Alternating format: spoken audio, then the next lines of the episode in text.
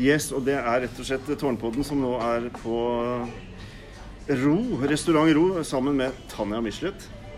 Det er stas, rett og slett, at vi kan få laget en eh, liten prat med deg, Tanja. Eh, vi er på Ro. Er du rolig? Jeg er rolig som skjæra på tunet. Ja, det er et veldig bra utgangspunkt. Og Har funnet roa. Ja, ikke sant? Du har funnet roen og noe som rimer. Troen. Ja. Funnet roen i troen. Funnet roen i troen, eller troen i roen. Men um, jeg husker egentlig ikke helt datoen. Eh, men du dukket opp en eller annen gang i januar 2019 eller sånt, eller kan det stemme? Ja. Ca. en måned før jeg døpte meg. Cirka en måned før, ja. Eller Så- halvannen måned, Ja, ja. Så var du innom uh, vår sogneprest Anders og hadde en prat. Og Mm. To så gikk- timers prat. I to timers prat. Ja. Og så gikk jeg helt tilfeldigvis forbi kontoret Mm. da dere var i ferd med å slutte. Da sa Anders at her er det en som jeg må hilse på. ja. Det var eh, deg. Mm. og du skulle Du skulle eh, døpes. Ja. Og, og da fikk vi litt historie, og så fikk vi prata litt. ja. Og jeg følte liksom, jeg skjønte veldig raskt at eh, dette her blir utrolig spennende med, med deg og den historien din. Og, og jeg tror allerede da at det var snakk om at du var klar for å stille til uh, Nesås òg. ja, det vi og- kom opp da, etter ja, hvert. ikke sant? Sånn helt Eh, spontant kanskje, nesten. Som en, eller jeg vet ikke, men Ja, det var, det var ganske spontant. Og jeg hadde jo ikke Du vet jo hva som hadde vært min erfaring med kirken til da. ja. Så jeg hadde ikke sånn hevet ut. skyhøye forventninger. Så det var jo for meg Jeg var veldig lykkelig for å møte to blide fjes og en vennlig holdning. Mm. Um, og du stilte til valg, og du ble faktisk da valgt. Du fikk flest stemmer. Ja. Ja, Og ingen har eh, protestert på det. Nei, helt topp. Og det, man kan ikke bli, for å si det med Bibelen, kan man bli profet I eget land. Går det egentlig an? egen by? Egen by. Man kan visst det. Eh, vi snakker litt sammen nå fordi at uh, generelt fordi at historien din har kommet på bok, og i det hele tatt du reiser Mm. nå om ikke verden rundt, i hvert fall eh, land og strand rundt i Norge. Mm. Og så skal vi ha bokbadet i Moss kirke i morgen, tirsdag. Den eh, ah, Hvilken dato blir det? 17. 17. i morgen. Ja, og så er det jo nye restriksjoner nå i, i, i alle kirker. Til og med da i Nidarosdomen. At man bare kan være 50 stykker. Så i morgen- der, ja. ja. Ja, til og med der, ikke sant. Eh, så det er jo da utsolgt og ikke plass til flere. Men, men eh, kanskje noen som kommer dit i morgen, også hører dette. Og, og de som ikke får vært der, kan i hvert fall få hørt dette hvis de har lyst. Eh, men altså fra da, fra den dåpen, hvor du egentlig Det gikk så stille for seg. Det var egentlig ingen som visste om det, omtrent. Bortsett fra sognepresten, en fadder og en venn. Ja. To faddere og en to venn. faddere og en venn. Ikke sant? Ingen og, andre og visste. selv, Ingen andre. selv organisten som spilte den søndagen, visste ikke om det. Nei. Nei. Eh, og så tenkte du at dette skulle gå helt rolig for seg. Og Mm. så var det ikke veldig mange dagene etter dåpen, da, før dette slapp Moss Avis.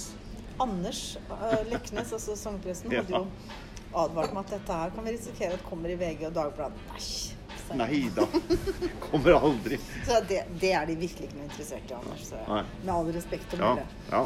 Ja, Det som skjedde, var jo at jeg var på Rygge biblioteks venner og skulle holde et foredrag om, om en sjøens ja. Eh, hvor hun Reidun Bugge, ki- tidligere kirkeverge i Rygge, er aktiv. Mm. Eh, så jeg har blitt invitert dit.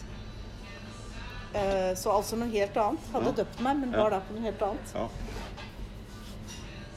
Eh, og i etterkant så ble vi stående ute i gangen. Eh, og så var Torgeir Snilsberg der, og han er jo også en venn av meg. Og har fulgt, han har fulgt familien Michelet i mange år. Mm. Um, og han er alltid litt sånn Lurer på hva jeg driver med. Jeg har tross alt gitt ut en bok før og sånt. Vært aktiv i kulturmiljøet i Moss. Mm. Uh, til en viss grad. Så hadde han Han, har, han er jo journalist, har nese for et eller annet, så han, eh, han bare fotfulgte meg rundt. Og jeg ville hjem, jeg skulle videre. Ja. Og hadde nettopp hatt denne samtalen med Reidun Bugge hvor hun fortalte om dette med faren min og nøkkelen til Rygge kirke. Han hadde Så jeg var, det skjedde også da, så jeg var jo helt eh, opptatt av den historien. Og så sier Torgeir til slutt sitter vi på trappa utenfor Rygge bibliotek, og så sier han Men er det noe nytt da, Tanja? Og så har han sikkert kanskje hørt et rykte eller noe sånt. Ja. Nei, ja, jo, nei, og så har jeg døpt meg, da. ja. Og da kom det Pang. på først. Pang, pang, Pang, pang. pang, pang. Og da Dagen etter så kom Geir, øh, han Geir fotograf og fotograferte meg utafor kirka. Og så ble det førsteside i Moss Avis. Akkurat som det var førsteside i Moss Avis nå da boka mi kom, da. Ja. Så det er veldig det, Så det er Moss Avis som er kilden til all- alt sammen. Og da, etter det, så ble jeg oppringt av eh, Lørdagsrevyen. Mm. Veldig hyggelig fyr der, Joakim Reistad. Og så ble jeg invitert dit, og så kom de også til Moss kirke. Og hadde opptaket der. Ja. Og jeg var nervøs som en ørn, men det gikk bra. Ja. Jeg har vært på TV før sammen med faren min et par ganger på God sommer-Norge, men det var likevel ganske skummelt. Det gikk kjempebra. Ja. Eh, og så eh, rett og slett bare eksploderte dette her i media. Det er noe med TV-mediumet, ikke sant. Men jeg var jo veldig i tvil om eh, Da Lørdagsrevyen spurte meg, så tenkte jeg men hva er det de vil med dette her? Mm. Men så tenkte jeg så lenge det er en positiv vinkling, så ok. Mm. Og så har det ene bare tatt det andre. Dette, det, Det- det var ikke noe plan bak dette da. Altså, dette er ikke liksom at jeg har tenkt at, eh, at eh, At jeg liksom skal eh, bli en sånn kristenkjendis. Det hadde jeg vel fått meg en god latter hvis noen hadde sagt det til meg for et par år siden. Med all respekt å melde. Altså at det altså- ene tok det andre, det er, en- det er en underdrivelse. For Det er underdrivelse. jeg hadde en, en hyre med å drive og løpe ned eh, til kirken og låse opp for Ja. eh, diverse journalister igjen. Til slutt, så var det, til slutt var alle som så, bare så plassert, at den nøkkelen ligger i resepsjonen på Moss hotell. Ja. Det Den gjør ikke lenger det nå, altså. Men eh, nei, Sorry. men Den, er- det er ja, den gjør ikke lenger det nå. Det er, og det er Er fakta. That's live? not fake news. Ja, dette er live. Oh Ja. my gosh. OK. Men, men, men Ja. den har gjort det. Men, eh, men eh, Nei, men eh, det er jo interessant, for du har jo vært eh, en slags eh, på turnébussen nå da i halvannet år snart. da. Ja, altså dessverre har jeg ikke noe turnébuss. Nei. eh, Eller noe crew. Eller et crew. Nei? Ja, det er jo noe som jeg har eh, Noe som jeg må jobbe med, da. Ja. Ja, og få si. dette her mer det- på on the road. Ja. For det vi vet eh, sannsynlig er at dette, dette tar ikke slutt. da. Nei, det ser ikke ut som det er tar slutt. Det bare ruller og går. Det ruller og går. Mm. Mm. Jeg har ikke hatt noen Jeg, jeg satt veldig ganske så glad og fornøyd og skrev ferdig oppfølgeren på en bok jeg skrev i 2008. Mm. Eh, den nye Eller en, en frittstående bok igjen, da, om hvite afrikanere og fra den tiden i Afrika. Ja. Eller fra nåtid i Afrika. Vi reiser Ja. dit hele tida, i Zambia. Og mitt prosjekt har jeg alltid trodd i livet var postkolonialisme. For det var det jeg studerte. På, eller jeg skrev om postkolonialisme i litteratur på Blindern. Mm. Og vært opptatt av kolonialisme. Uh, uh, og alltid. Jeg har jo også sett det ganske på nært hold. Ja. Uh, vært kritisk, selvfølgelig. ja. Så, eh, og så var det sånn at vi hadde arva litt penger, alle jentene, før pappa døde. Fordi han ville at vi skulle gjøre våre ting. Og da satte jeg meg ned og skrev. ja. Så den boka var tre fjerdedeles ferdig. ja. Så denne Det at jeg gikk og døpte meg, Mm. det var noe jeg hadde ønsket meg. Mm. Men det hadde jo ikke noe med skrivingen og formidlingen min å gjøre der og da. Jeg så ikke at dette eh, Og så hadde jeg også fått eh, faktisk den nye Afrikaboken min til min store skuffelse refusert et par steder. Og det er jo en del av det å være skribent. Ja. Eh, og når man da Jeg er vel kanskje den typen som når jeg får en refusjon, så bare jobber jeg enda mer. ja. Ikke sant? Mottil, altså, motstand er bra, ja. for da skjer det enda mer. Mm. Ja, men så etter at jeg kom på denne nye bølgen, så var det jo, kom jo eh, forlaget De hadde også virkelig nedsporting, for de hyret meg jo inn måneden etter at jeg var døpt. Så ble jeg hyret inn av Viggo Åstad Bjørke, som Ja. headhunta meg. Mm. Men det som er rart, eh, det er Jo da, de så meg i media og sånt, men det kan også, også det kan ha vært en tilfeldighet. For jeg tror ikke egentlig de så etter en kristen bok. Nei. Eh, de hadde spurt min søster Marte først, Ja. om, fordi eh, pappa hadde jo dødd Ja. for et år siden, og om han kunne, hun kunne skrive om eh, John. Ja. Michelet, vår felles far. Mm. Det kunne hun ikke. Eh, hadde ikke tid, uh, flytta fra Norge og sånn. Ja. Så spurte de meg som en sånn eh, backup, da. Ja, ja. Så, og det har jeg fått vite nå. Som takk for det. Ja ja. Det er jo bedre enn ingenting. Men så har jeg selv vridd denne boka til å bli det jeg ville den skulle bli. Ja. Og etter hvert så har forlaget blitt med på at boka handler om en trosreise. Mm. Den handler om min mor, den handler om AKP-ML. Mm. Og jeg tenker at biografien om pappa, Mm. den, den kan noen andre skrive. Ikke sant? Mm. Så sånn, sånn har det Så denne, dette med Dette med at det skulle bli en trosfortelling, Mm. det er noe som bare har materialisert seg underveis. Ja. Jeg har lagt inn føringer. Mm. Da jeg fikk denne muligheten hos Vigmostad Bjørken, headhunta som forfatter, Mm. Da er det bare made, altså. Mm. Og da tenkte jeg denne muligheten tar jeg. Det er. Alt det er verdt. Det er bare å Ja. kjøre på. Og nå skal jeg gjøre det beste jeg kan. Mm. Og mange har sagt før du bør skrive om AKP-ML. Mm. Du bør skrive om oppveksten din. Og, Mm. og jeg bare, da bare dundra jeg på. Mm. Og så endte det opp med at forlaget fikk en helt annen bok enn det de trodde de skulle få. Eh, og alle var veldig, veldig godt fornøyd. Mm. For det som er, eh, det som er liksom resultatet da, av, eh, av dette, er jo at du eh, kanskje i dag er en av de mest omreiste emissærene altså i, i norsk kristenhet. For du, du en ting er at du har, blitt, du har blitt invitert til alle typer kirkesamfunn. ikke sant? Altså Ja. Pinsevenner, eh, metodister, eh, Frikirke. frikirke osv. Og, og Olavsfestdagen. Men så har du også vært på protestfestivalen og liksom helt andre sekulære Ja. settinger som har, eh, som har hyra deg inn, da. ja, og også eh, veldig ulike typer kristne sammenhenger Ja. innenfor Den norske Ja. eller folkekirka. Sånn som ja, folkekirka på Sunnmøre er annerledes enn den på Kolbotn. Ikke Ja. sant? Sånn Ja. i forhold til mm, hvordan, hvor de står. Ikke sant? Og det betyr bare at du har truffet noe. Du har truffet noe som folk kjenner seg igjen i på ulike måter, fordi du, du skriver om så veldig mange ting. Altså Ja. Det er så mange perspektiver i, i, i boka som Ja. gjør at man, øh, man kan kjenne igjen ting fra veldig mange ulike sammenhenger. Da. For det var jo egentlig foredraget. Jeg, jeg lagde jo et foredrag Ja, rundt dette etter hvert fordi at jeg fikk så mye jeg fikk, de, kirke, eh, altså, Folk fra menigheter og kirkeakademier og forskjellige steder, mm, ja, særlig menigheter og kirkeøkonomi, begynte å ringe meg Mm. etter Lørdagsrevyen. ja, Da hadde jeg også vært på et par program på P1, Tro, håp og Lilleseter og Mellom himmel og jord. mm, Så var jeg jo, og jeg ble også invitert av Norsk kirke til Arendalsuka og Olavsfest. Og, da, og så begynte ballen å rulle. Så ble det den ene reisen til menighet etter den andre over menigheter i hele Norge. Og da fortalte jeg jo om denne trosreisen. mm, Og så fikk jeg respons fra publikum, og så eh, skrev jeg om foredraget mitt hele tida i Mm. forhold til det jeg hadde lært, det jeg hadde hørt fra andre, mm, eh, og nye tanker som dukka opp. mm. Så har det foredraget blitt en sånn slags organisk greie Ja. mellom meg og publikum. Ja. Og så har den blitt en eh, blitt finslipt i bokform, da. Ja. Og så har, du, så har jo media hele tiden vært der, altså med Klassekampen, Ja. magasinet Dagbladet altså, Mm. Og alle lokalavisene alle steder jeg har sant? vært. Ikke Og ja, ja.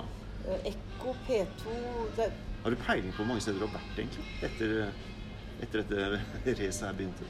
Altså hvor jeg har vært og holdt foredrag. Nei, jeg tenker på hvor mange, hvor mange liksom, Presseoppslag. mange steder har du egentlig vært med dette her, tror du? Altså, er, det, er vi over 100 på, på dette halvannet året, da? Nei, altså jeg har holdt øh, godt over 40 foredrag. Ja, Det er veldig mye. det er veldig mye. Men pluss, plus da Pluss alle sånne festivaler og, ja, festivaler og alt det der, ja. Mm. Ja, bokbad Altså og opptredener og bokbad og og sånne sånn. ting. ikke sant? Ja. Nei, så Så det vi vært kan nok være borti 50-60 i hvert fall. Og Ja. så er det jo alle mulige Ja, så er det intervjuer i radio, TV, aviser. ja. Mm. Vi skal jo ikke Hva heter det for å foregå eh, bokbadet i morgen? Eh, da er det mm, for øvrig Svein Gran, som er en av liksom krumtappene og gründerne og drivkreftene i Son kulturkirke, som eh, kommer og skal snakke med deg, og som selv er forlagsmann. Og som har gitt mange bøker som, som er noen av de fineste bøkene jeg veit om, faktisk. Altså Som er Det må jeg sette meg her inne. Hvilke Ja, bøker Ja, blant annet samtaleboken mellom Karsten Alnes og da Notto Telle, teologen. Å, er det den? Ja, den Mhm. fikk jeg. Ja, Som har skrevet brev til hverandre, ja. og som er en eh, spennende fortelling egentlig om, om Jesu lignelser.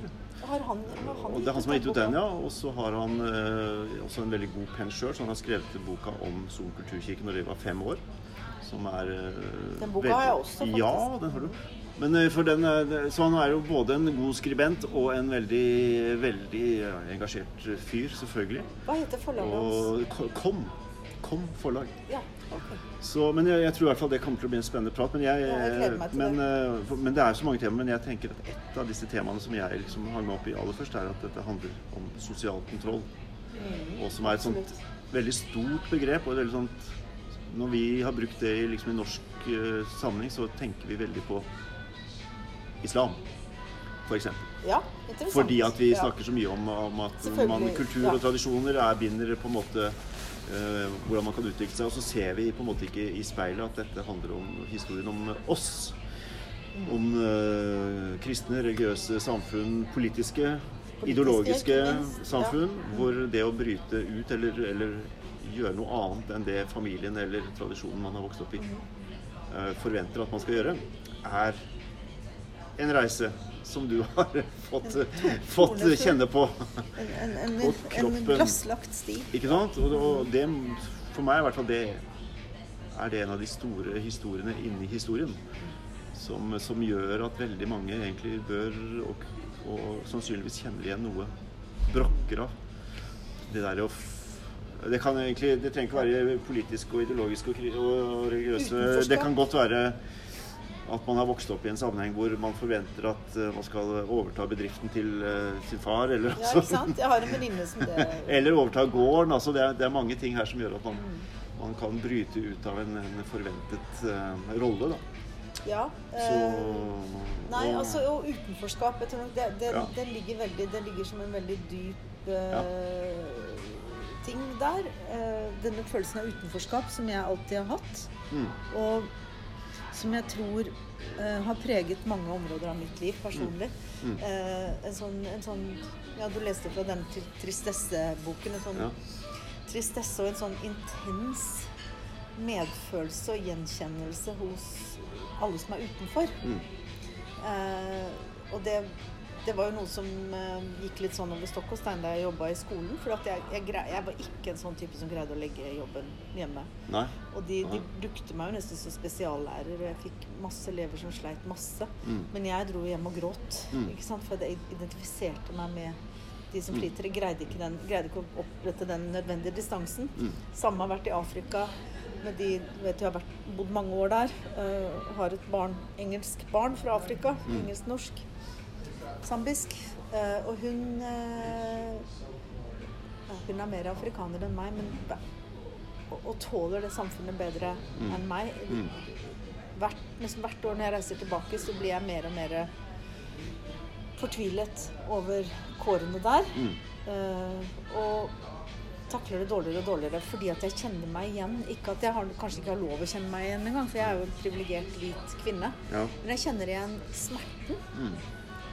Eh, og jeg kjenner igjen dette med å være utenfor og innenfor. Mm. Ikke sant? Når de andre eh, når Folk kjører gjennom Lusaka by, Mm.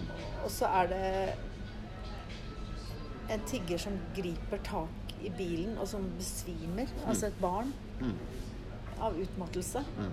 Og så trykker den du kjører med, trykker på uh, knappen, og så bare ruller bil, bilvinduet opp. Brrr, sant? Fordi man bare kan ikke ta det inn, da. Den, den der, Mm.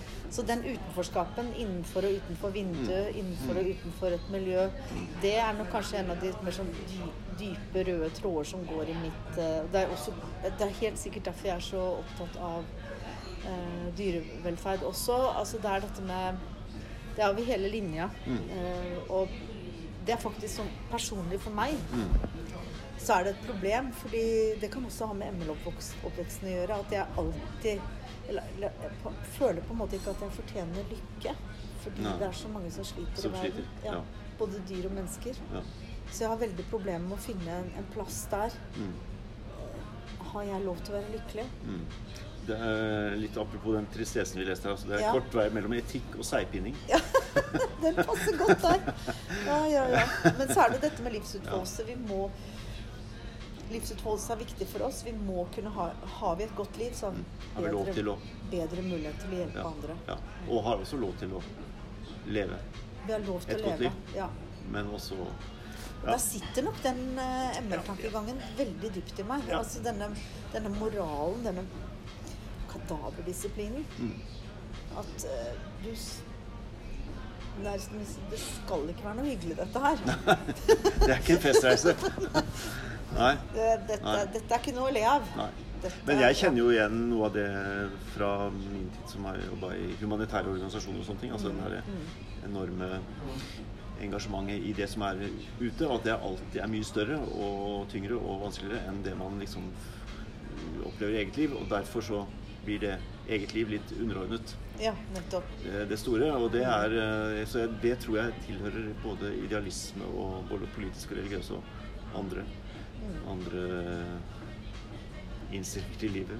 Og det mener jo jeg er en Som, og den, feilvurdering. Den, ja, og den Mm. balansen er jo Vi har jo ikke sant, vi har jo faktisk da noen uh, sterke ord i vår hellige skrift om at man, uh, man skal elske sin neste som seg selv. Mm. Den er liksom, den er som seg selv, den er ikke alltid så dypt reflektert egentlig i, Nei, nei, nei. i tradisjonen vår. Fordi Som seg selv, ja. ja, ja den er, og det er liksom forutsetter at man faktisk da har et slags uh, ja, elsker sitt eget liv og sine egne muligheter. Ja. Og kan bringe det videre ut. Vet, Ikke, det er ikke selvfornektelse, da. Ikke sant? Det er ikke selvfornektelse i, i, i grunn, egentlig. Nei, de jeg vokste opp med, var jo Altså, det var jo bare sludder. At man skulle drive og tenke på seg selv og søke innover. Ja, ja. Og så meditasjon, Ja. forskjellige former for tro, alt det der. Så selv om de var i en, en avart, eller en gruppering av hippiebevegelse, som jo var veldig alternativ bevegelse, mye av det. Men akkurat 68-erne, de var jo kommunister. Mm. Eller marxist-leninister. Ikke, ikke sovjetkommunister, da. Og veldig moralske og strenge. Mm. Og jeg, jeg, jeg tror Eller jeg er ganske overbevist om at det å at det vil bli sett på som egoistisk å satse på å utvikle seg innover. Eller Mm. å, å utvikle seg selv åndelig. Mm. Fordi det var en arbeidsmaurmentalitet. Mm. Sånn til arbeid, alle mann. Ja, ja, ikke sant. Vi kan ikke sitte her og kaste bort tiden. Nei, og så var det disse folkene i sant, Kampsangene satte jo en, et preg på dette. Mm. Uh, man igjen kjenne igjen da musikken som, Mm. som preger et miljø. Og da var det liksom Vi glemmer aldri Praha. Mm. Stå sammen, kamerater. Framande soldater banker på Mm. vår dør. Det ble liksom noe mantra for sånn som jeg opplevde verden. Mm. Alle sangene vi sang, så var det med knyttet neve, hevet høyt. Um, så her var det ikke rom for småprat, Nei, altså. Og, det der, og de nære ting. Mm. Det er jo en så grunnleggende Mm. eh, kunnskap og klokhet i det at man ikke skal glemme de nære ting. Mm. Ja. Men dette var folk som de jeg vokste opp med, skulle redde verden. Mm. Ja. Og da har du ikke tid til eh, Nei. sånt Nei. småplukk.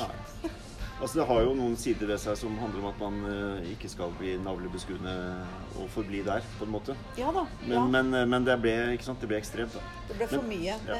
Jeg, møtte jo han Jeg møtte jo var oppe i Bergen før alt stengte ned der og Mm. hadde foredrag og en samtale med prosten og biskopen i Bergen. Og Ja. der var faktisk han biskopen i Bergen var veldig opptatt av også det edle hos AKP-melderne. Altså deres edle. Edelhet da, Ja. i å selvoppofrelse. Og det har jeg kanskje ikke tenkt nok på. Det er selvfølgelig et aspekt at de var um, denne selvoppofrelsen. Men problemet med den selvoppofrelsen, den var at den, den var ikke uten konsekvenser for andre. Den hadde ikke bra altså, Vi 68-barna, vi hippiebarna, uh, hadde ikke noe godt av den selvoppofrelsen. Så, så det kan nok diskuteres hvor edel den var. Hvor edel den var. Mm. Men, men noe av grunnen til at, dette, at denne historien din og boka di treffer så bra, er jo du har jo Dette er jo en veldig ærlig bok. Du blottstiller liksom eh, veldig mye her, og, du, og det har kosta deg garantert mye Ja. eh, å gjøre det. Og, og det, det kommer såpass tydelig fram. Det som jeg tenker er eh, er litt sånn gull verdt her i den historiefortellingen din, og måten du, også når jeg har hørt deg snakke om det, er jo at du eh, Altså, du er dønn ærlig, og samtidig greier du å ha en, en eller annen form for distanse til stoffet. Altså den blandingen at du både er Det sitter i kroppen din, du merker at det sitter i kroppen din, samtidig som du greier å se det med en slags skarpt, nesten humoristisk blikk innimellom, da. Og Ja. det redder liksom litt av av å være med i denne historien. da At du, at du greier å gå litt inn og ut av Ja, Erling Rimehaug skrev en helt nydelig anmeldelse i Vårt Land. Uh, hvor han påpekte akkurat det du sier nå. At Ja. hadde det ikke vært for humoren, så hadde dette her bare vært dønn sørgelig. og det er jo dønn sørgelig, men det er jo, det er jo Ja. humor også. Mm. Ja, absolutt, altså. Så Og- jeg to drink? Hva tenker du har du lyst på? Vann? Sorry? Vann? Water? Yeah, of course. Eh, nei, og det er klart at det er eh, den, eh, det grepet, da, som jo er, er deg, på en måte, altså, som er din måte å Er en veldig sånn su- suksessfaktor for å, for å lese historien. ja, det er For min du får, måte å du får noen på. hvilepunkter i den historien Ja. Det at du har det, det blikket, rett og slett. Jeg har nok vært litt sånn klovn hele mitt liv. Jeg Ja. skjønte nok tidligere at det var behov for å, å, få, å få alle til å smile litt. Ja. Ja. Mm. Men det blir spennende å se hvor samtalen i, øh, går i morgen. For at disse samtalene Ja. blir sikkert veldig forskjellige fra hvem som snakker med deg. Og, og, Mm. Og jeg lærer noe hver gang. Ikke Altså, jeg tar med meg nye tanker Så- og nye impulser. Og, ja, ja, og jeg skal ikke gå uh, dypt inn i alle ting her nå, men, men jeg har um, Du har jo Oi, unnskyld. Lanserte boken her på Litteraturhuset. Da hadde du overraskende nok, for min del i hvert fall, Valgjerd Svarstad Haugland Ja. som bokbader. ja da. Og hun hadde en haug av gule lapper av, i boken, så jeg tenkte jeg skulle Jeg slett, eh, konkurrere med henne. Veldig imponerende, Tor. De fleste burde se nå hvor mange gule lapper Altså Det er eh, veldig mange gule lapper her. Og her er det, og her er det liksom litt sånn derre blanding av litt sånn rariteter og fun facts. Og også sånne ting som jeg bare lyst til Jeg bare må ha noen små kommentarer på. Men kan jeg bare få lov til å fortelle? Ja. Jeg er jo absolutt sånn fun fact-person. Ja. Jeg hadde skrevet et helt kapittel om kommunismen. Ja. Også en sånn dybdekapittel om Mao, Marx, Lenin, Engels, alt sammen. Ja. Fordi jeg tenkte kanskje yngre lesere hadde trengt en litt bakgrunn. Mm. Ja. Men for at det skulle bli en god flyt i boka, ja. så ble det kuttet ut. Men det er mitt forsvar, da. Fordi folk sier 'hvordan kan du skrive en sånn sakprosa', og så er det ikke en eneste fotnote. Nei. Du forklarer ingenting om kommunismen. Nei, men så er det det at nei, men det er ikke så vanskelig for folk å finne ut hvem Marx var. Nei. Det var ikke det som var min oppgave i boka, da. Nei, ikke sant. Altså Faren med å ta fram noe fra boka di er jo på en måte å å ikke la folk bli overrasket når de leser, men, men eh, bare noen eh, Ja, da, men nå, nå, eksempler på det. For at jeg, eh, ikke smakebiter, og jeg hadde jo, hadde jo en enorm respekt for, for faren din, eh, Mhm. Tanja. Og, og jeg husker jeg måtte liksom eh, måtte jeg hva heter for noe, trekke meg opp. Jeg ønsker å. Ringe ham for at vi skulle prøve å få ham til å komme på et dialogmøte da vi hadde bispevisitas i Moss sammen med Ja. Atle Sommerfeld. Da kom han. Og da hadde jeg kontakt med han litt rundt det, og det var, synes jeg var utrolig hyggelig. Eh, så jeg har jo alltid eh, både truffet på han sånn i her og der, og vet hvor huset hans er. Og, og det heter Gimle, ikke sant? Ja. Eh, og det som du skriver her, er For det jeg, Nå skal jeg si noe som er litt flaut, da. Flaut. Nei, oi. For meg. Nei. som kanskje er litt morsomt for deg. Er du Men sikker, jeg, altså når jeg Du- du kan fortsatt trekke deg. når jeg sykler eh, rundt i Larkollen Ja. eh, og trener, så gassa jeg alltid opp noe så inn i granskauen når jeg skulle sykle forbi Gimle. For at jeg tenkte at hvis han s- sto ute og kikket ut, så kunne han ikke se på en som kom forbi og, med sirup i rumpa. Så jeg hadde alltid veldig stor fart forbi han. Men så var jeg også litt sånn ambivalent, for jeg tenkte at han han er jo kunstner, og kanskje han er distré, og plutselig bare kommer fykende ut av porten med bilen sin, og at det er ja. litt sånn Så jeg har et slags forhold til det huset hvor jeg både jeg måtte liksom gi på, for det kan Ja. tenke seg at han står i porten og ser Ja. på noe som sykler. Og samtidig litt sånn respekt for at, at her nå må jeg samtidig være litt obs. Men han likte godt at alle har holdt et sakte tempo forbi huset. Han, Han var det? veldig sint for Oi. at det var 80-sone der. Oh, ja. ja, men dette var på sykkel, altså. Jeg Ja, så sykkel tror jeg var greit. 80. Hadde Men- du derimot vært i en ny modell BMW, så hadde du nok ikke vært noen venn av han. Men, men det har en slags uh, historie, det huset. altså Du liksom merker Ja. at det er noe Det er liksom ladet med hans historie og, og, og som oppvekststed og sånne ting. Men, men, eh, men det står i boka at du har vært der lite. Jeg har ikke vært der siden han døde. Nei, du sier det.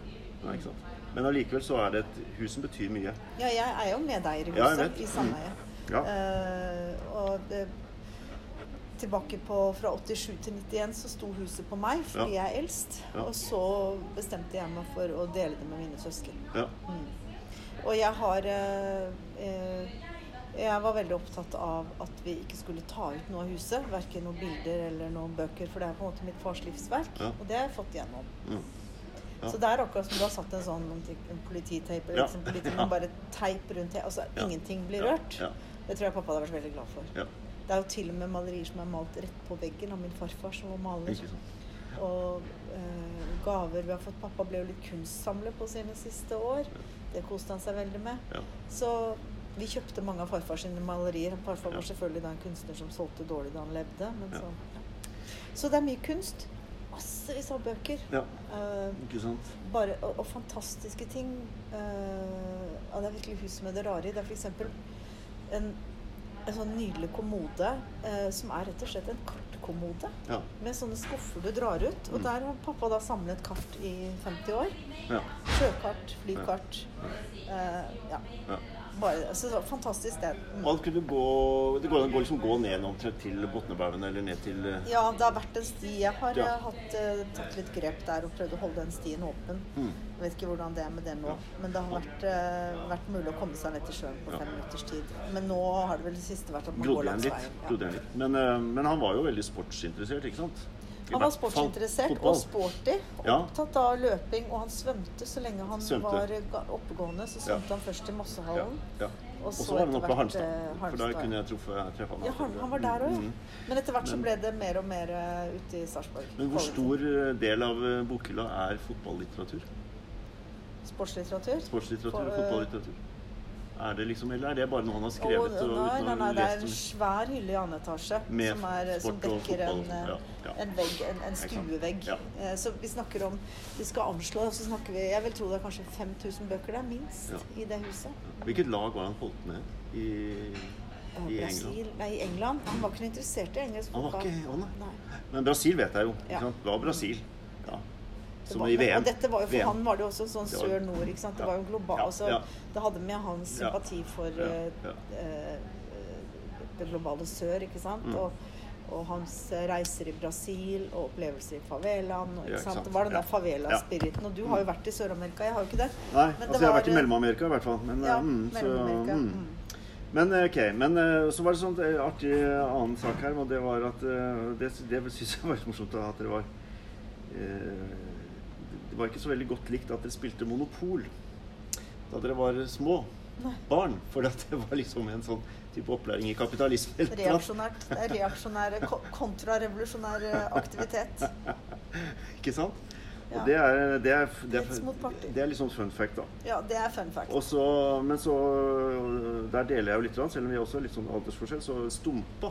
Ja, stumpa. Ikke sant? Det var jo fantastisk når Stumpa kom med Ja, de tingene. Altså. jeg er så altså. glad jeg fikk en stumpa der. Ja. Og vet du du hva, det virker de- kanskje så lett, men du aner ikke hvor mye jeg strevde.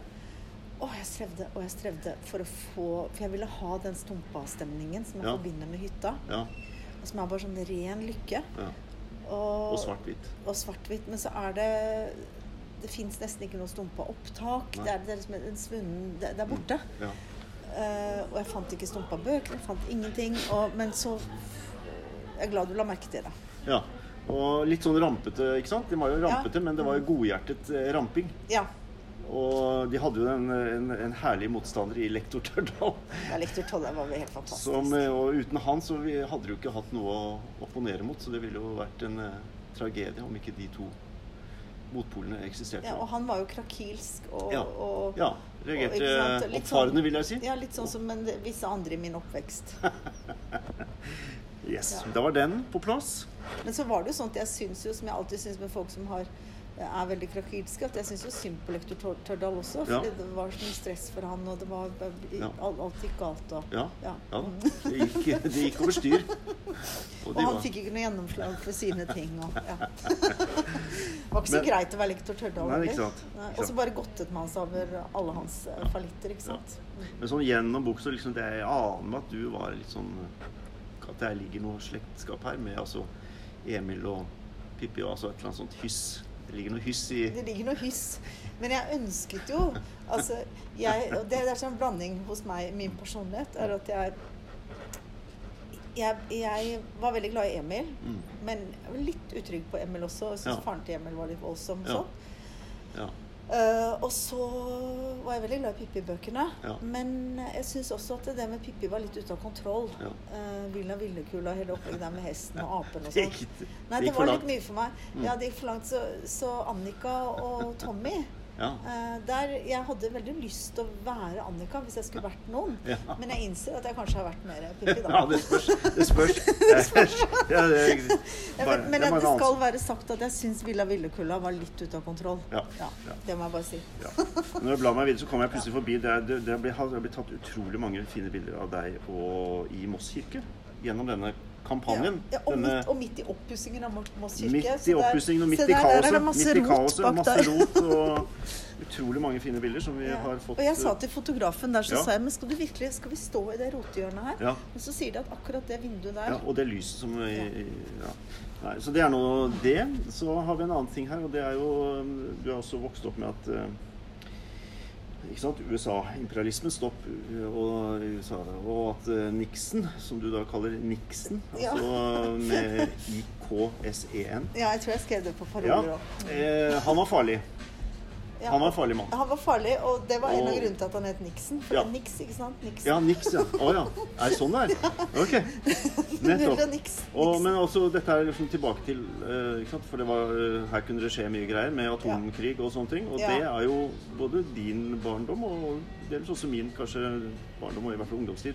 Så var jo det en sånn reell frykt som uh, tok bolig i oss. Og den er jo fordundre meg liksom ikke sluppet taket. Nei, nei Altså den er liksom kommer tilbake. Ikke sant? Så den, den er jo da og- Denne røde knappen. Denne store den røde røde knappen og, som man bare kan Ja. Så, så det er en sånn uh, traume som både vi som barn og ungdom for veldig da, mange år siden, må vi kanskje si. For noen år siden i hvert fall. Ja. Og dagens Og jeg vet ikke egentlig hvor mye dagens barn unge er opptatt av det, eller får det med seg. Ut, Tor. Men altså, Men, eh, atomkrig var jo liksom et begrep vi vokste opp med. Men jeg tror ikke, jeg vet ikke om min datter er like opptatt av Hadde du sånn atomkrig. eh, Nei til atomvåpen? Nei til atomvåpen, Ja. Ja. Så mm, ja, Fant vi noe mer morsomt her? Jeg var veldig bekymret. Ja, den var morsom! Ja, Unnskyld meg. Nei, hva var det? Nei, jeg var veldig bekymret over at både Brezjnev og Nixon Ja. På samme ja, tid. og begge var slemme. Ja. Det var liksom ikke noe, det var sånn apokalyptisk. Det var ikke noen som det var ikke noe mye godhet Ja. Har du sett Dr. Strangelove? Eh, Kubrick-filmen om eh, Nei, Nei, den må jeg jo se. Den, se. Den er jo en klassiker, tror jeg. Dr. Strange, jeg eh, Dr. Strange Love. Mm, Peter Sellers. Peter Sellers, ja. Mm. Fantastisk film. Så er det en historie her som det må, Jeg tror det tilhører fun facts, altså, men det var altså da din Det var din stefar som hadde bevart en katt liggende i fryseren fordi at han vel egentlig ikke hadde funnet helt hvordan man skulle begrave den, eller et eller annet. For det var en katt som du hadde et sterkt forhold til. På Santasjen, ja.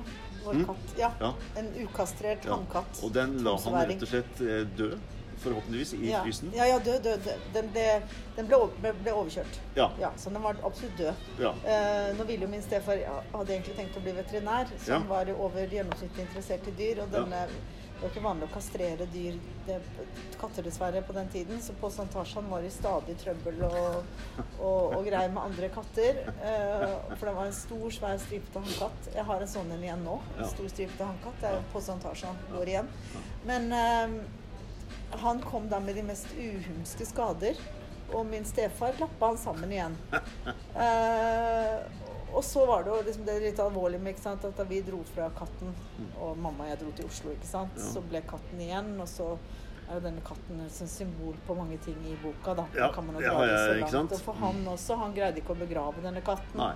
Han ville egentlig ta vare på den til du vet At det ble en slags litt- seremoni da rundt det. Ja, men det ble, jeg fikk aldri gravlagt den katten. Hva som Nei. skjedde eh, Min stefar prøvde å få det med den nedfryste katten ut av historien. Men det lot vi ikke. Det, vi, vi gikk med på mye, altså. Men den er der. Og det er det ikke han som har fortalt meg, det er andre som har fortalt meg. Så de kan jo ha fått seg et sjokk da hvis de skulle hente en pizza i fryseren. Ja, ja. Grandis. bare, bare skyve på katten. Hallo, Morten. Jeg vil holde på Eh, Vi skal, eh, ja, ja, ja, ja. Vi skal gjøre oss ferdige. Skal vi se. Uh, vi er på midt i en liten uh, Ja. Den er også gøy, for at du, du har jo vært med og sunget sånne kampsanger og sånt, ikke sant? Ja, ja, ja. Så den derre den kjente sangen om eh, Så samles vi på Hvalen. Ja, Da så du for deg at du eh, At det var alle sammen skulle samles oppå denne jeg hvalen, ser det fortsatt for meg, faktisk. Ja. Og, vi, og sånn hadde vi mange tekster også ikke sant, før som, var, som er blitt tatt bort litt. For, for Ja. altså Milde Jesus, du som sagde. Ja. Han var jo snekker, ikke sant? Men disse sangene er jo blitt ødelagt for oss, for man har liksom retta på det etter hvert. da. Tatt bort muligheten av å gjøre sånne gøye ting. Det er litt det samme som jeg har med Du vet den der Åge Aleksandersen-sangen? Eh, og føglene som er fri, Ja. dem skal vi svei, og Ja. alt skal bli. Og da har jeg alltid vært så bekymra for at de fuglene ble svidd. ja. Vi svei. Men det er jo oh, ja. vis, vise vei. Vise vei, ja. Vis vei, ikke sant? Vis vei. Ja. Det var der det var, vet du. ja. Eh, Nei da, men den hvalen Jeg ser fortsatt for meg den hvalen. Ja, At alle ja, sammen. alle står oppå hvalen. Så samles vi på sånn- hvalen. Alle har denne eh, neven i været. Ja. Ikke sant? Altså, Vi må ta et par til, altså. For de er, eh, er, det, er, det er mye morsommere ting her. da. Nå hopper vi jo veldig, men det blir liksom Ja. tilfeldig rekkefølge. Gøy at du syns mye morsomt, da. Ja da, men altså, jeg ble jo litt sånn, eh, litt sånn respekt her òg, da, når du driver og, og flyr. Ja, småfly. kult. Ja, det var kult. Jeg har faktisk vurdert om jeg skulle ta det opp igjen. Ja. Eh, Jeg har dessverre epilepsi, men den er under kontroll når jeg kjører Ja. bil igjen. Ja. Så jeg har litt lyst til å se om de ville godkjenne meg med en medico. ja. Eh, Sist gang jeg fikk en, eh, en medical i Norge, det var da jeg kom hjem, hadde kommet hjem til Norge. Ja. Da kom jeg ut til legenemnda for flygerud på Harløkka Ja. med, med alle de der tøffe Top Gun-gutta. Og da kom jeg, eh, pur ung, med en liten baby på armen. Ja. Så sa jeg hei, hei, jeg skulle gjerne jeg så gjerne fornya jeg. Å, du tøffe gutta. Det, var ikke, det er fortsatt ikke så vanlig. Og så fløy jeg litt her ute på Rygge med ja, eh, men, eh, men så er det jo så utrolig dyrt. Altså Mm. Ja. Til og med den gangen 100 000 for å ta småflylappen. Mm. Og dårlig klima i Norge. Ja. Eh, sånn at du får jo ikke flydd på annet enn halve året hvis du ikke flyr instrumentflyging og sånn. Men jeg har fortsatt en bitte liten plan om å ta det opp igjen. Det er helt det? fantastisk. Du har det?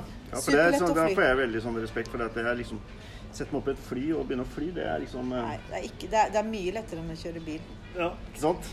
Ja. Man, ikke, man må bare ikke forveksle joysticken med et ratt. For da For da går flyet sånn rundt og rundt og rundt. Ja, det så, men det er klart, når, i Zambia så har du ikke lyst til å falle ned. Nei. Fordi da kanskje du er i bushen i mange dager. Ja, Så da du lærer deg jo å fly, ikke sant? det er det, altså. det er det. Det er det, altså. Men, eh, men vi må Ja, men ha det, var, en det er eh, sånn glanstid fra mitt liv. Ikke sant? Men nå skal vi da bokstavelig talt inn for landing. Nå skal vi inn for landing, ja. Fordi at mye av disse Jeg tingene har her fløyet vil med datteren min òg. Datteren min har også vært med. Har du eh, Med meg som annenpilot, og vi har fløyet mye. Å. Ja, så hun har fått være med sin mor ut og fly. Ja. I, ja, så det, det har vært over mange år. Ja. Mm. Det er veldig kult, altså. Ja, det er kjempekult. Jeg vet. jeg vet. Jeg vet. Men eh, sant, det er jo det er flere av disse tingene som ikke nødvendigvis blir sentrale i et bokbad i, i morgen, kanskje. Nei, nei, nei, Som katt og stumpa og sånn. Men, men, eh, men. Men, jeg er veldig glad for at du så det med stumpa. Mm. Men, eh, men jeg må bare ta en sånn eh, litt sånn felles referanse fordi at du, En ting er jo den historien at du ble kasta ut av Søndagsskolen, men du ble også Du fikk trøbbel når du starta, var med å starte jazzklubb på TF. Da fikk jeg trøbbel. Da fikk du trøbbel, ikke sant? Altså, det dette er var ikke i 1954, men i 1994. Ja, det er det som er helt uforståelig. Og det var på Teologisk fakultet på universitetet, ikke sant? Ja, Det De eneste jeg liberalt, syntes var eh, bitte litt hyggelig mot meg på Teologisk fakultet, det var de som, altså de som drev med musikk. Ja. Og jeg følte at jeg kunne gå på kirkekonsertene, selv om Ja. jeg ikke var døpt. Da følte jeg at jeg kunne få lov til å sette min fot innenfor kirka. ja. Og så kom jeg på den ideen sammen med en annen gjeng at vi skulle starte en jazzklubb. Mm. Og så øh, Så gjorde vi det. Mm. Eh, og så skulle vi ha vår første filmframvisning, som var 'Round Midnight' med Dexter Gordon. Yes. Og det var i kjelleren på TF. Yes. Og vi serverte bløtkake og kaffe. Eh, og så hadde vi det kjempehyggelig. Ja. Og vi hadde, vi hadde faktisk et program. Vi skulle gjøre alt mulig rart. Ha noen folk som spilte, og ja, vi skulle bruke TF-kjelleren. Og hvis vi ikke fikk lov til å bruke den, så skulle vi bruke RF-kjelleren. Realistforeningens kjeller, for den var jo veldig populær på den. Den kunne man bruke til alt mulig. Mm. Uh, men så uh, dagen etter, så Eller ikke dagen etter, men i, eh, kort tid etter, Mm. så ble jeg møtt i døra på vei inn til TF av to fra MF. Mm. Menighetsfakultetet. De var kjempeskumle. Ja. Uh, den gangen, da, for meg. Ja. Alt var skummelt. Ja. Indremisjon, Menighetsfakultetet. Ja. Var sånn Menighetsfakultetet, ikke sant. Ja. Kjempeskummelt. Så sier de ja, er det du, er du hun, hun der Tanja som har den jazzklubben? Ja, det er meg. Ja, du vet vel at vi har studentforening sammen med dere, sammen med TF? Ja, det vet jeg. Ja, vi har besluttet å legge ned jazzklubben. Mm. Ja, hvorfor det? Nei, fordi du visste Round Midnight, og der drikker de både whisky, og de danser, og de røyker, og det som er der. ja. Og det var Altså, nå snakker vi ikke 18... eh, 100 og den tid. Vi snakker 1894. Vi snakker 1994. Det var i det. Ja, dette her er helt uforståelig, altså. eh, Det er, Ja, men det er liksom kan jo ha vært folkene. Altså, det kan jo ha vært, eh, det kan nei. ha vært akkurat Nei, nei. det kullet av elever. Ja, det kan hende at det, det- de i 1995 var kjempekule folk. Det kan vi- ha vært det òg. Men vi må huske på at det er ikke liksom kort tid. altså På 80-tallet var det store diskusjoner om man kunne bruke trommer eller gitar i kirkene ikke sant? På konserter. Ja, nettopp. Ikke der, Sånn at, ja. så det er, altså, apropos, da er, da er liksom, for nå, nå kommer vi liksom tilbake til litt sånn dette med sosial kontroll og forventninger og, Mm. og hva som er innafor og hva som er utafor. Og det er eh, Det er liksom et slags refreng, eller stor, den store historien er på en Mm. måte å bryte ut fra innafor til utafor. Bryte ut fra innafor, og så er det mange som sier at ja, men du, kom, du brøyt deg jo utafor noe som var innafor, og så kom innafor noe annet igjen. Tror Ja. ja. Ja. Og så gjelder det at ikke man blir sånn her, da. At vi liksom eh, Kom til oss uh, som du er, og bli som oss, på en måte. Altså at det er det, Men det er jo akkurat det som ikke har skjedd. Fordi, Det er det som ikke har skjedd. fordi jeg har uh, blitt så godt, godt tatt imot hos alle. Ja. Bare det at jeg nå har holdt mange foredrag for Nordmisjon. Ja. Og i Askim eh, Ikke mange, to. Ett i Askim og ett på Høybråten. ja. Det er noen av de hyggeligste kveldene jeg har hatt. Ja? In, tidligere Indremisjonen. Ja. Jeg var livredd dem. Altså, de bildene jeg hadde av hva Indremisjonen var, ja. eh, og hvor strenge og skumle de var, og med uh, Ja, jeg skal ikke gå i detaljer, men jeg var Men å bli tatt imot i alle mulige forskjellige sammenhenger. ja. Og det snakker vi om, ikke sant? At du har dette eh, Du har truffet folk i alle Jeg var på Kanal leirer. 10 nylig, nylig Ja. Som jo er eh, ja, svenskeid, men som også er norsk eh, De har tiårsjubileum nå. Ja. Det er jo en konservativ kristen TV-kanal. Og de vet hva jeg Mm. de, de vet at jeg er i bispedømmerådet og åpen folkekirke og sånn, men Ja. vi rett og slett bare liker hverandre likevel, Ja. som mennesker. Og de var interessert i min troshistorie. Mm. Og det er ikke så banalt at fordi at jeg stiller opp et intervju der, fordi jeg snakker i de sammenhengene at da å, da skal de rekruttere meg inn. ikke sant? Det, det, er, ikke, det, er, det er, det er ikke så banalt. Nei. Men eh, enden på visa her og nå er jo at eh, folk må kjøpe boka di. 'Min egen vei'. Hvis, hvis de vil, da. Ja, Eller så kan, er det jo en perfekt julegave. Ja. Eh, min egen vei, fra Mao til Gud. Ikke på 100 sekunder, holdt jeg på å si, men, eh, men en lang livsreise. eh. På en måte. Eh, og dette kommer til å fortsette å fascinere folk, eh, Tanja. Det bare fortsetter og fortsetter. Og ja. alle som har lyst til å høre på denne historien, kommer sikkert til å ta kontakt med deg lenge og videre. Og så blir det spennende i morgen. I Moss, som er selve Vi må kunne få lov til å si at det er liksom hjemmebane. Det er ground, ground zero. Ikke Ja, ground, ground zero, zero. men positivt, da. Ja. ja. Um, og det nok, eh, kommer nok til å gå mer i dybden der enn vi kanskje gjorde akkurat nå, men vi har ruslet litt rundt historien din. Og forhåpentlig skapt litt eh, interesse og nysgjerrighet. For dette er en bok som gjør eh, sterkt inntrykk, og det er en page turner. Altså du begynner å lese, og så har du egentlig ikke lyst til å legge den vekk. Tusen takk. Fordi den er så innholdsrik og så ærlig. Og intens, et bilde kanskje. Den er intens. intens. Og et bilde på, på mye av det vi kan kjenne oss igjen på, og som kanskje skal gjøre oss litt ydmyke da, i forhold til å gå ut og kritisere alle liksom, andre miljøer, bortsett fra å ikke se på oss selv i, i de miljøene vi er i, da. Som kanskje er litt sånn derre klamme, da, eller at det liksom Vanskelig å komme innafor hvis man er utafor. Jeg er helt sikker på at du vil være enig med meg, at vi snakket om det med 'elsk de neste som deg selv'. Ja. Hva sa du? At Elsk de neste som deg selv, men Ja. også vær ikke, så, vær ikke så snart til å dømme. Nei, ikke sant.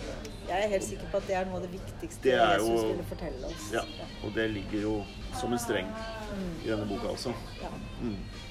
Det er fordi det å dømme eller lukke seg, det skaper dette utenforskapet. Ja. Jeg er, en, jeg er anti-utenforskap. Mm. Derfor så snakker vi så mye om åpen kirke. Ikke sant? Dimas? Veldig, Åpne, veldig fint å bruke det ordet. åpne kirke. Inkluderende fellesskap. Ja. Prikk, prikk, prikk. Mm. Ja, herlig. Men uh, tusen takk for uh, praten, Tanja. Det var uh, Jeg var ikke klar over det var live, så jeg tar tilbake alt gærent jeg har sagt. Nei, nei, nå skal jeg, nå skal jeg ta opp. Nei, men det var veldig gøy å sjekke ut noen, eh, sjekke ut noen ting her, altså, Ja. som eh, vi fikk kommentert. Men eh, da går vi rett og slett videre i våre Ja. gjøremål. Så takk igjen, og fortsatt god dag. Og så ses vi i morgen til bokbad i Moss. Det gjør vi. Gleder meg. Men det er utsolgt. Sorry. Ja. Sorry, folkens. Sorry, Mac. Mm, okay. Hei.